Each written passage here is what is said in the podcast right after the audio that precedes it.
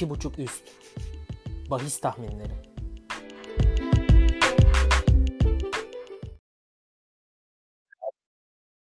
İki buçuk üstün yeni bölümüne hoş geldiniz. Ben Oğuz, Utku ile beraber maçları da hafta sonu maçlarını değerlendireceğiz. Geçen hafta nasıl geçti Utku bizim için?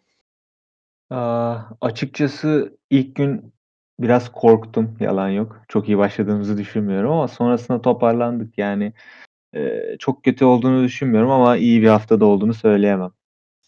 Ya Almanya'daki maçların ilk günü için biz değil zaten. Bütün herkes için geçerliydi. Leverkusen, Gladbach. Çok garip bir futbol oynandı. Özellikle ilk günde. İkinci gün dediğin gibi toparladık biraz. Evet, Hiç oyalanmadan geçelim istiyorsan ilk maçımıza. tamam. Ee, bu sefer tamamen Almanya Ligi konuşmayacağız. Diğer ligler de başladı. Yani oradan da maç seçmeye özen gösterdi. İki tane farklı ligden maçımız var. İlk maçımız Cuma günü oynanacak. Silkeborg, Nordsjælland, Danimarka Süper Ligi'nden. Neler söylemek istersin Utku maçla ilgili? Ee, valla maçta çok hareketli bir maç olacağını düşünüyorum. Nordsjælland e, açıkçası Danimarka'da beni e, benim yakından takip ettiğim ve izlerken keyif aldığım bir takım. E, Birçok futbol severin bildiği gibi Emre Mor da e, kendi ismini e, oradan duyurdu. E, şunu söylemekte fayda var. E, ligin sonuna gelindi aslında. E, son iki hafta kaldı ligin tamamlanmasına ve e, az çok herkesin yeri belli. Bu iki takım arasının iki, iki takım için de onu söyleyebiliriz. Yerleri belli. Silkeborg ligin sonuncusu. E, Nordsjælland da e, şampiyonluk turunda e, kesin yer alacağı gözüküyor. E, ben maçın üst biteceğini düşünüyorum. E, Nordsjælland çok genç bir ekip. Çok fazla yavaş top oynadığını da görmedim açıkçası e, deplasman takımının. Bu yüzden hareketli bir maç ve bol gol izleyeceğimizi düşünüyorum. Nordsjælland ligler tatile girmeden de gayet iyi bir form durumundaymış aslında. Son 5 maçta 4 galibiyet bir beraberlik. Biraz yükselişte de bir takım. Tabii ligin ilk ikisi biraz açmış arayı şampiyonluk turu da olsa. Fakat Evet. üçüncülük gayet Nordsjælland için Ya hedef olarak gibi duruyor. e, lig lige ara verilmeden önce çok iyi bir form yakalamışlardı. Genç takım olmasından ötürü arada çalkantılı bir e, zaman geçirebiliyorlar lig içerisinde ama e, ben Silkeborg'un çok fazla sorun çıkaracağını düşünmüyorum. Silkeborg'un da bu küme düşme turu onlarda oynanıyor. Üst taraf ve alt taraf ayrı olarak. Oraya daha fazla yoğunlaşacağını düşünerek rahat bir maç olacağını düşünüyorum. Bu yüzden üst tercihini aldım. Oranını yazdın mı? Oranını söyleyebilir misin? Oranı şu an 1.40. Eee, biz aldığımız, eee, zaman için söylüyorum bunu. Üstün 2.5 üstün oranı 1.40. Bence, eee, güzel bir oran. Güzel bir oran. Yakından takip ettiğim bir lig. Güzel bir Evet. oran. O zaman ikinci maçımıza geçelim. Almanya Bundesliga'ya geri dönüyoruz. Gene cuma akşamı oynanacak bir maç. Freiburg Bayer Leverkusen. Freiburg açısından bakarsak vasatı aşamadı. Yani ne kadar 3-3'te bitmiş, 3-1 öne de geçmiş olsa 0.76 XG ile oynayabildikleri bir maç. Yani 3 golü biraz ekstra cebinden çıkardı. Kalecileri 13 kurtarış yaptı. Ee, haftanın Şuvalov haftanın oyuncusuydu büyük ihtimal. Kalelerine 34 şut geldi çünkü. Leverkusen tarafında da şöyle bir durum var. Sadece 4 gol yedikleri için savunmaları sıkıntılı gözükmedi. Hücumda da çok fazla bir şey üretemediler. Bir tane isabetli şutla maçı bitirdiler ve e, Leverkusen kalesi 2-3 net pozisyon çıkardı. Yani çok daha tatsız bir noktaya gidebilecek maç 4-1'de kaldı. Aynı golden iki tane yediler. Birinci ve dördüncü gol birebir aynı gol. Ee, ne dersin maçla ilgili? Yani Leverkusen ısrarla ikinciliği istemiyor gibi. Hoş hiçbir takım istemiyor gibi de Leverkusen özelinde konuşalım biraz. Ya, gerçekten ben de izlerken, eee, bayağı şaşırdım. Şuna şaşırdım. Eee, dediğin gibi hücum anlamında verimli değildi Leverkusen için söylüyorum ve, eee, aslında şuna da bağlıyorum birazcık. Şimdi sıkışık bir maç takvimi var hepimizin bildiği gibi ligi yetiştirmek anlamında. Eee, bu da eee, 2 haftada 4. maçlarına çıkıyor takımlar. Ama tabii ki bu bir bahane değil. Şöyle bahane değil. Her takım için bu geçerli. Eee, sonuçta sadece Leverkusen oynamıyor burada. Eee, ama ben birazcık da buna bağlıyorum ve şuna da sonuna kadar katılıyorum. Freiburg gerçekten haftanın şanslı takımıydı. Yani Şuvalov olmasa maç nereye giderdi hiçbir fikrim yok ama, eee, gerçekten onlar adına şanslı bir gündü. Eee, ben iki takım arasındaki maçlara baktığımda son 5 maçını kaybetmeyen bir Freiburg görüyorum evinde. 2 galibiyet, 3 beraberlik almış Leverkusen'e karşı. Eee, ama bu maç özelinde şunu düşünüyorum. Ben her maçın kendi dinamiği olduğunu düşünüyorum ve bu yüzden Freiburg bu kadar çok pozisyon veriyorken eee, Leverkusen'in de pozisyona girebileceğini düşünerek eee, deplasmanın 2 gol atabileceğini, deplasman 1.5 üst düşünüyorum bu maçı özelinde. Şöyle bir şey söyleyeyim. İki takım da tam olarak iki gün dinlenecek. Yani dinlenmeleri arasında bir fark olmayacak onu söyleyelim. Çünkü eee, sen deplasman bir buçuk gol üstü mü dedin? Evet, Leverkusen. Şu an gözükmüyor da herhalde tekrar Açılır bültene. ihtimalle ya. Hı ben de Leverkusen kazanacağını düşünüyorum. İki. Eee, geçen hafta yani bu hafta aslında bütün takımların neredeyse Leipzig'in biraz daha zor bir maç var önünde. Fakat ikincilik mücadelesindeki her takımın bu hafta artık hata yapmayacağını düşünüyorum. 1.55-2 gayet güzel bir oran. Eee, Freiburg da biraz güven veriyor bana. Sadece Leverkusen değil. Kaybetmeye ve gol yemeye çok meyilli bir takım. Umarım bir aksilik olmaz bu haftada Leverkusen açısından. Havertz'ten Hı. gol ve goller bekliyoruz. Kesinlikle. Sıradaki maçımıza geçelim. Eee, cumartesi öğlen seansından Bundesliga 2'den 2 tane maç seçtik. Holstein Kiel Armanya Bielefeld maçı var. Eee, Holstein Kiel ligin en keyifli takımlarından bir tanesi. Sürekli bir gol atıyor, gol yiyor. Yani key, seyir zevki var. Taraftarına zevk verir mi bilmiyorum sürekli bir gol içinde olması ama en azından izleyenlere büyük keyif veriyor. Rakibi de ligin lideri ve son 3 maçtır kazanamayan e, pandemi arasından sonra yanlış bilmiyorsam galibiyeti yok Armenya Bielefeld'in.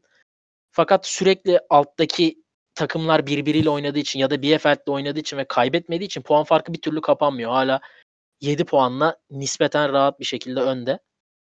Holstein Kiel pandemiden sonraki 3 maçta 3, 5 ve 4 gol oldu maçlarında toplam. Bielefeld'in sadece bir maçında gol olmadı. O da Hamburg'la doğrudan rakiplerinden biri Hamburg'la oynuyordu. Holstein Kiel'in kesinlikle gol atacağını düşünüyorum kendi sahasında ve Bielefeld'in buna bir şekilde cevap verebilecek gücü olduğu çok belli zaten. Bir şekilde cevap vereceğini ve maçın vara taşınacağını düşünüyorum. Sen ne düşünüyorsun maçla ilgili? Kesinlikle katılıyorum. Aslında geçen hafta eee zirveyi yakından ilgilendiren Hamburg-Bielefeld maçını da eee, izledim ve e, Hamburg'un bir üstünlüğü vardı maç içerisinde. Topa hakimdi, eee, oyuna hakimdi her anlamda. Eee, gol yememeleri bu anlamda bence Bielefeld için iyiydi. Çünkü dediğin gibi zaten zirvede arada bir puan farkı var. En azından kapattırmadılar. Eee, işine geleni yaptı. Eee, Holstein Kiel de valla verdiğin örnek çok doğru. Taraftarın çok hoşuna gittiğini düşünmesem de futbol severler açısından maçta hep bir aksiyon var. Yani hep bir pozisyon içinde eee, her iki takım içinde bu eee, Holstein Kiel'le oynayan. Ya bu arada Eee ligde kötü bir durumda değil. Hani taraftarlar Evet, evet. onu da şey yapalım. Altıncılar yani. Üst lige çıkma şansları yok. Düşme şansları da yok gibi bir şey. Ya rahat konumdalar. Yine eee, güzel bir maç geçeceğini düşünüyorum. Ben eee, bu maça bahis eee, almadım ama eee, incelediğimde ve takip ettiğim bir takım Holstein Kiel. Senin bahisine katılıyorum açıkçası. Hemen aynı saatteki diğer maçımıza geçelim. Nürnberg-Bochum. Bu da Bundesliga 2'de. Eee, yine gol üstüne konuşacağımız bir karşılaşma aslında. İki takım da gol atıp yemeyi seven takımlar. Eee, Nürnberg çok iyi dönmedi aradan sonra. 3 maçında galibiyeti yok daha. Bochum 3 maçın ikisini kazandı. Nispeten daha formda. Fakat Bochum biraz bu geçen hafta Bundesliga'da konuştuğumuz gibi amaçsızlık sendromu diyebiliriz. Yani ligin ortasında düşme tehlikesini çok yakından hissetmiyor. Puan farkı az olsa da altında çok takım var. Üst lige çıkma şansı yok denecek kadar az. Ne bekliyorsun maçtan?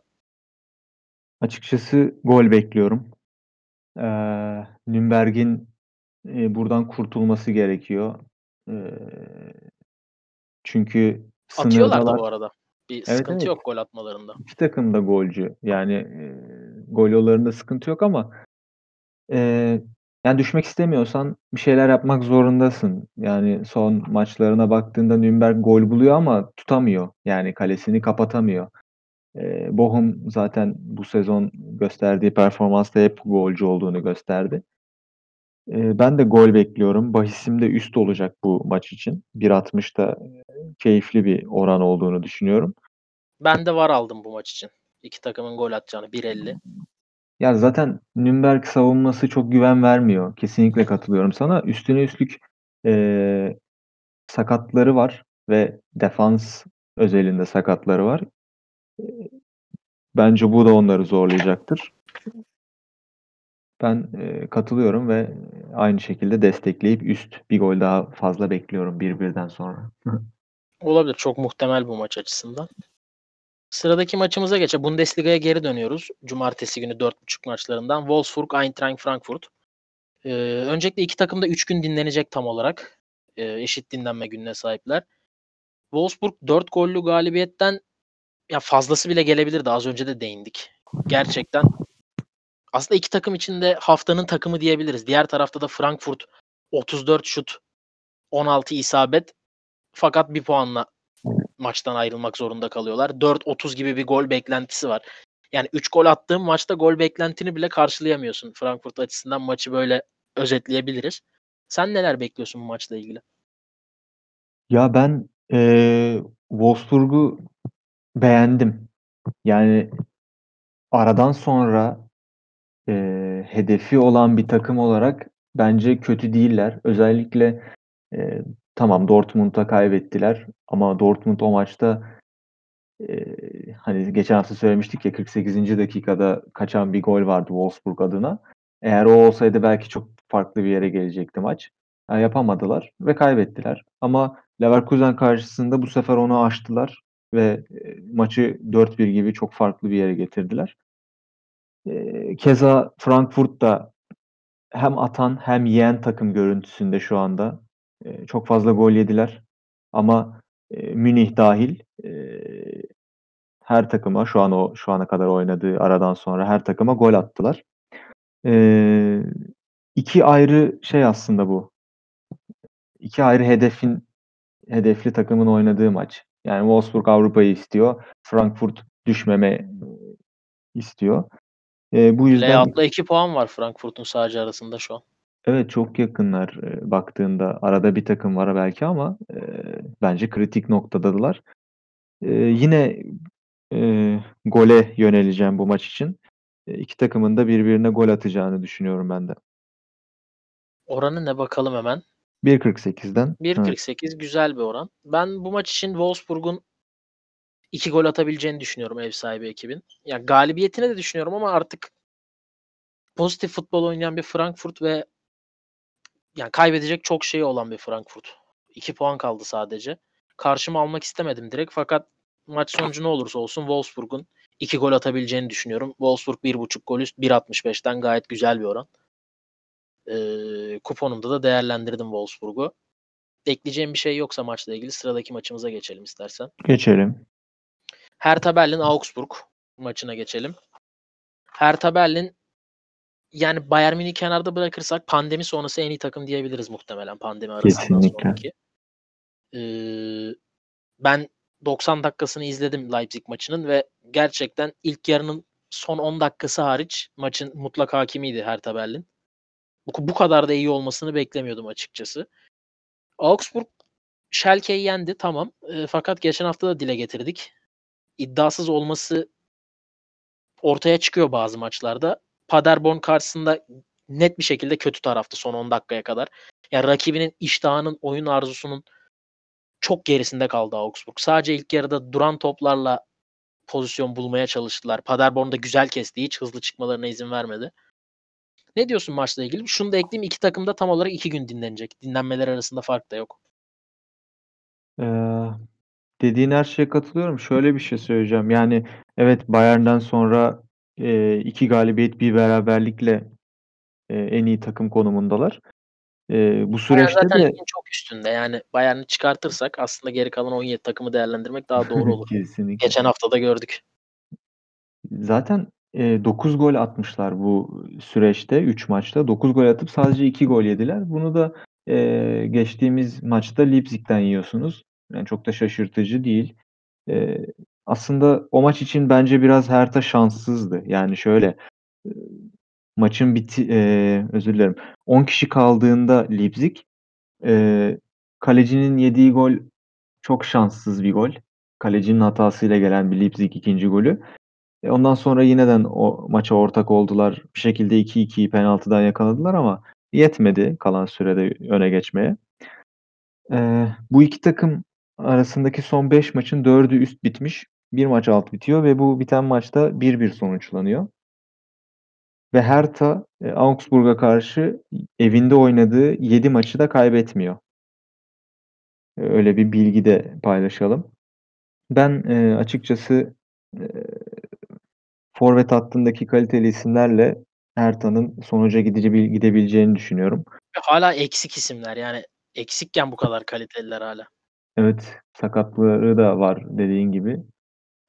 Ben dediğim gibi bu noktada e, Hertha'nın yükselen grafiğinin arkasında durmayı düşünüyorum. Ve e, 1-0'da olsa Hertha'nın kazanacağını düşünüyorum bu maçı.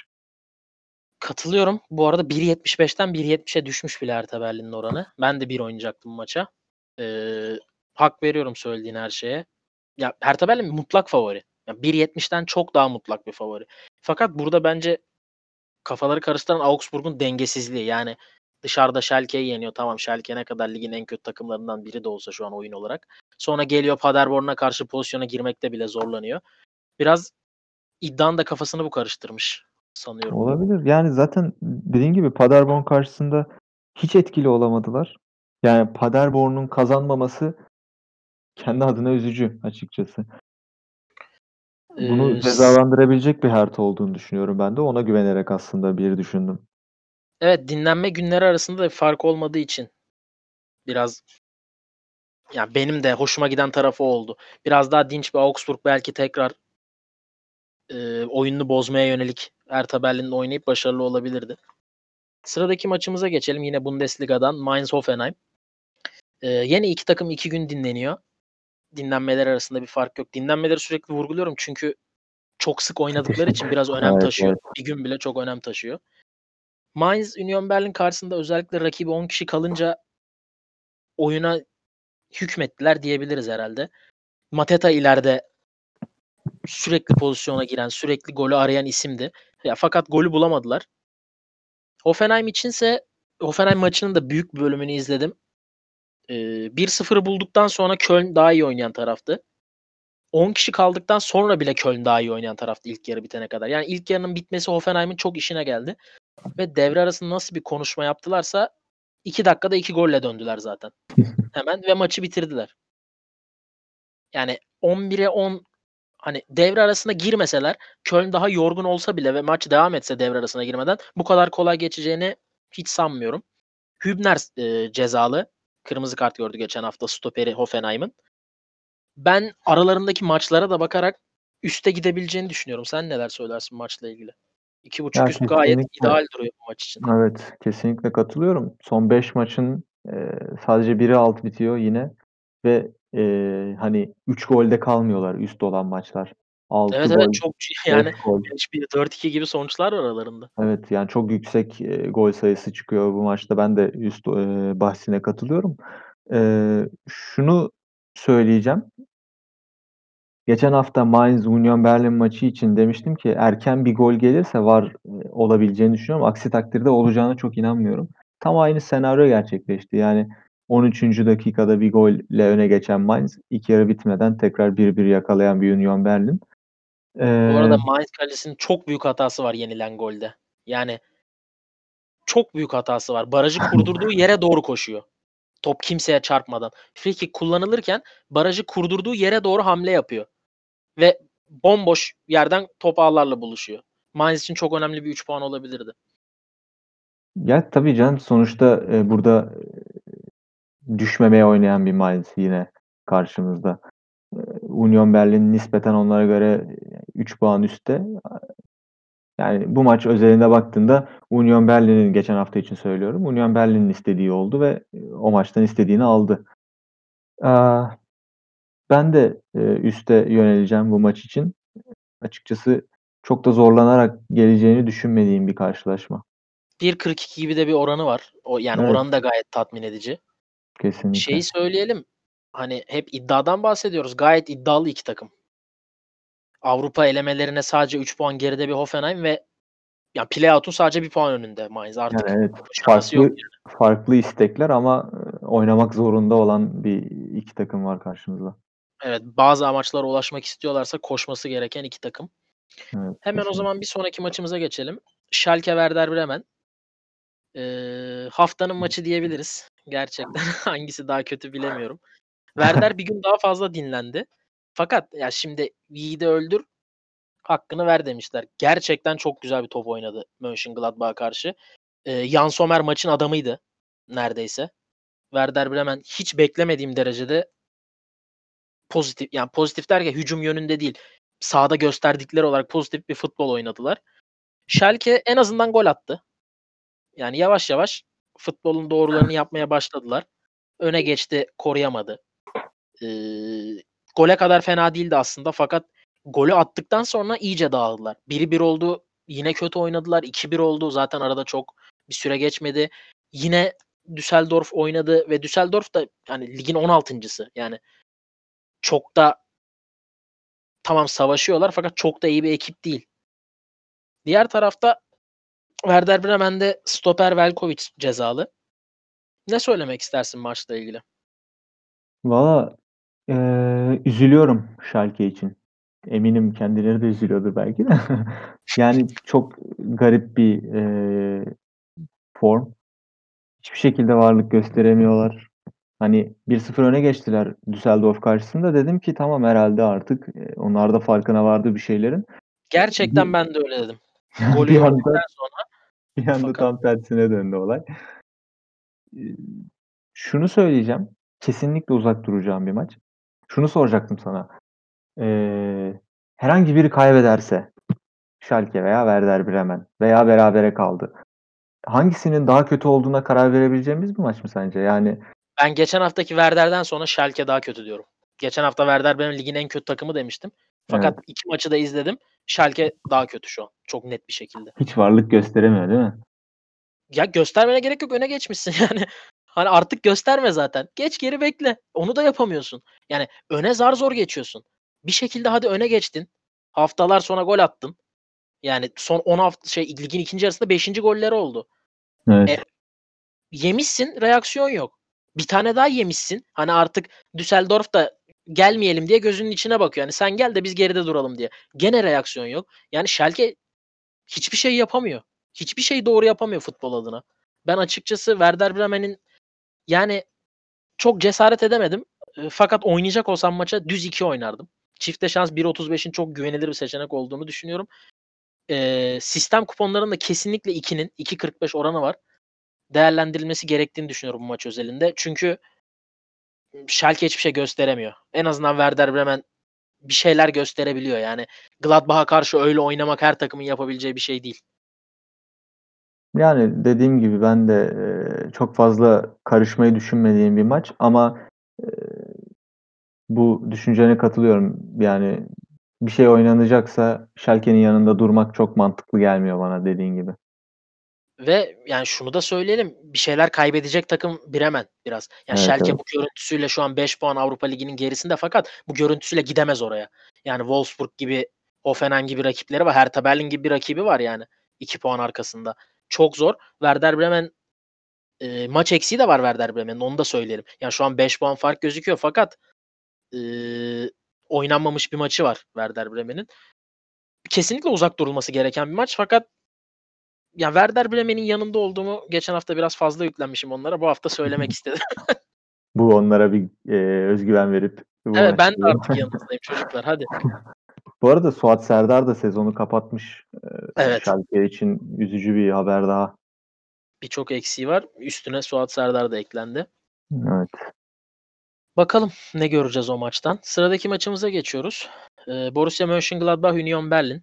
Maçla ilgili söyleyeceğim şey Gladbach bir gün daha fazla dinlendi Union Berlin'e göre. Ee, az önce de bahsettim aslında Werder Bremen maçında. Çok etkisizdi Gladbach ve hatta maçı 0-36 gol beklentisiyle kapattılar Werder Bremen gibi bir rakibe.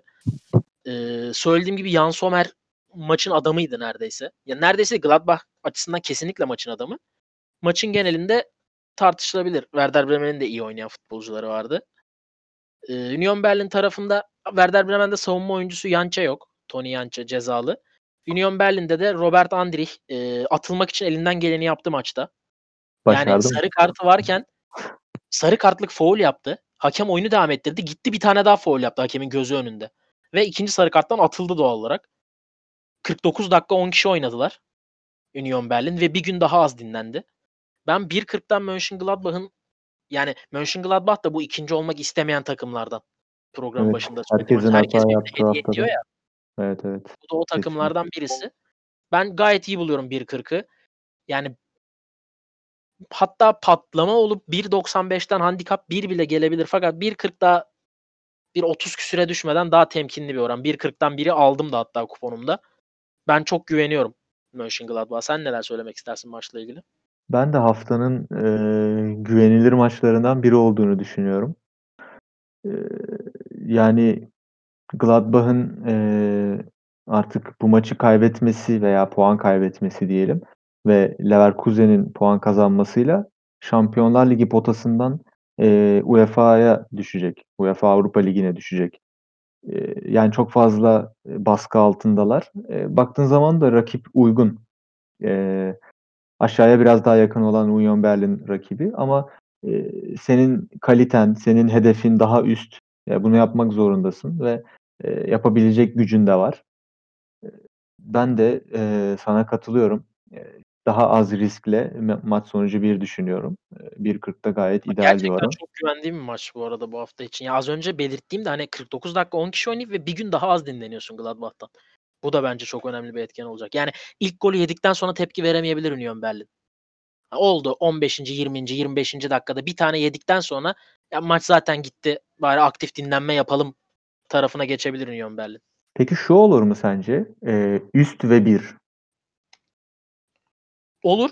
Fakat burada da biri buldu, ikiyi buldu Gladbach. Berlin yardım eder mi güvenemiyorsun değil mi? Ben Berlin yardım etmezse şaşırmam Union Berlin. Yani Ben de. eğer ben iki buçuk üstü bir oynarsam tamamen Gladbach'a güvenimdendir. Evet. Yani Burada da hani şimdi zor. maç nasıl olsa gitti dedim ya hani Union Berlin için 25'te 30'da yedim bir tane. Gladbach da maç nasıl geldi, nasılsa geldi 2-0 oldu. Hani sahada bir karşılıklı topu birbirine atan, aktif dinlenme yapan iki takım görebilir. Çünkü maçlar çok sık oynanıyor artık.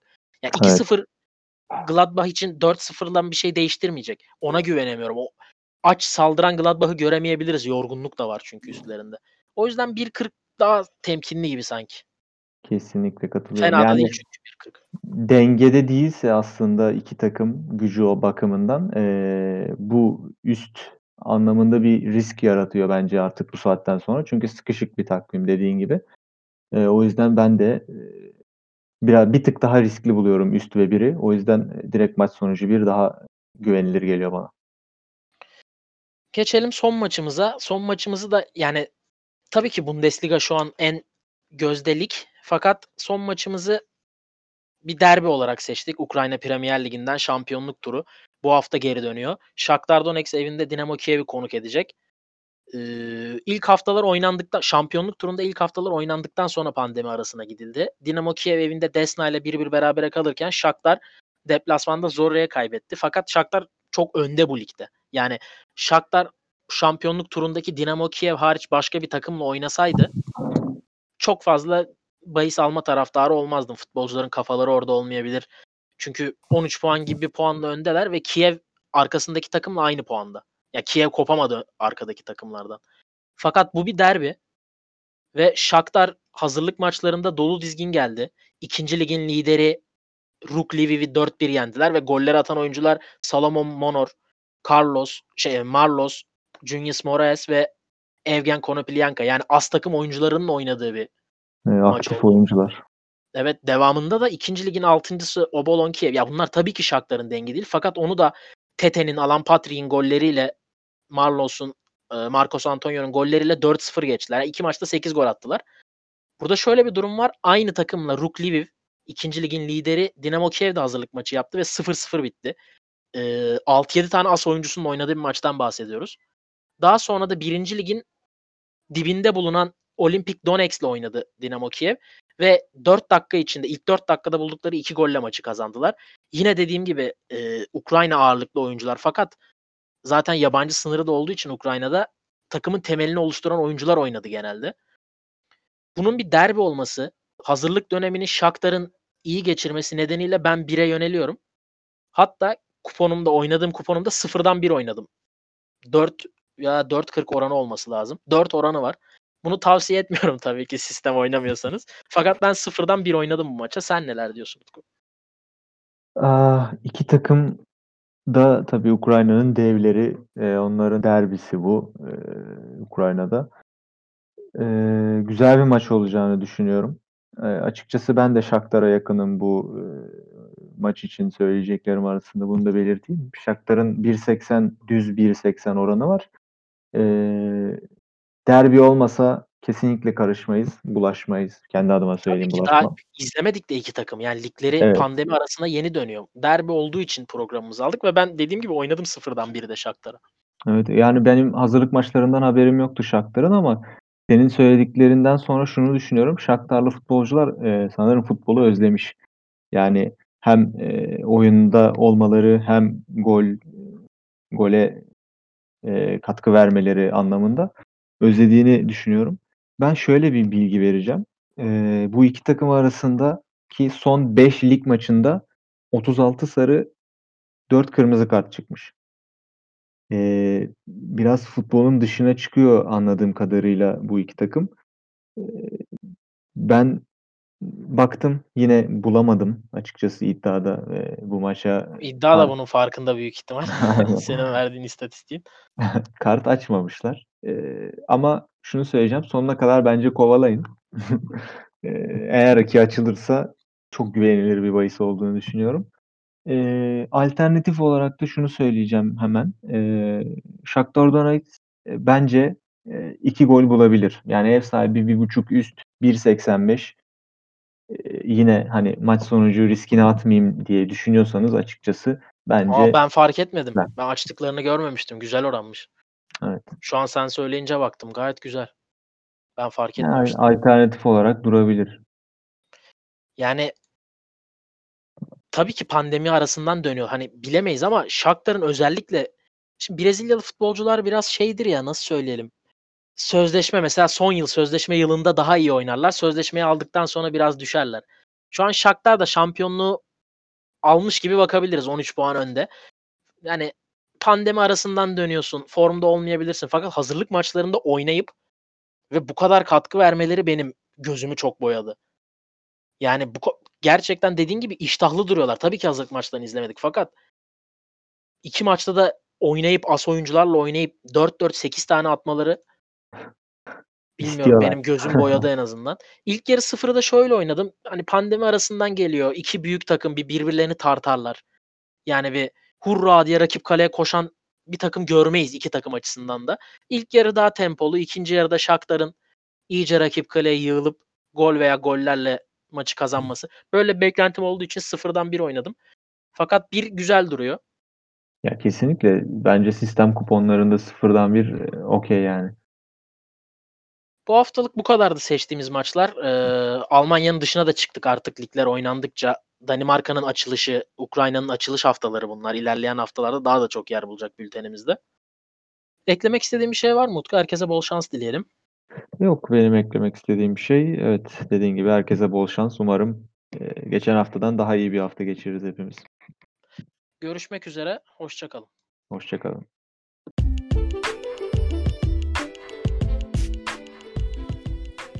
İki buçuk üst. Bahis tahminleri.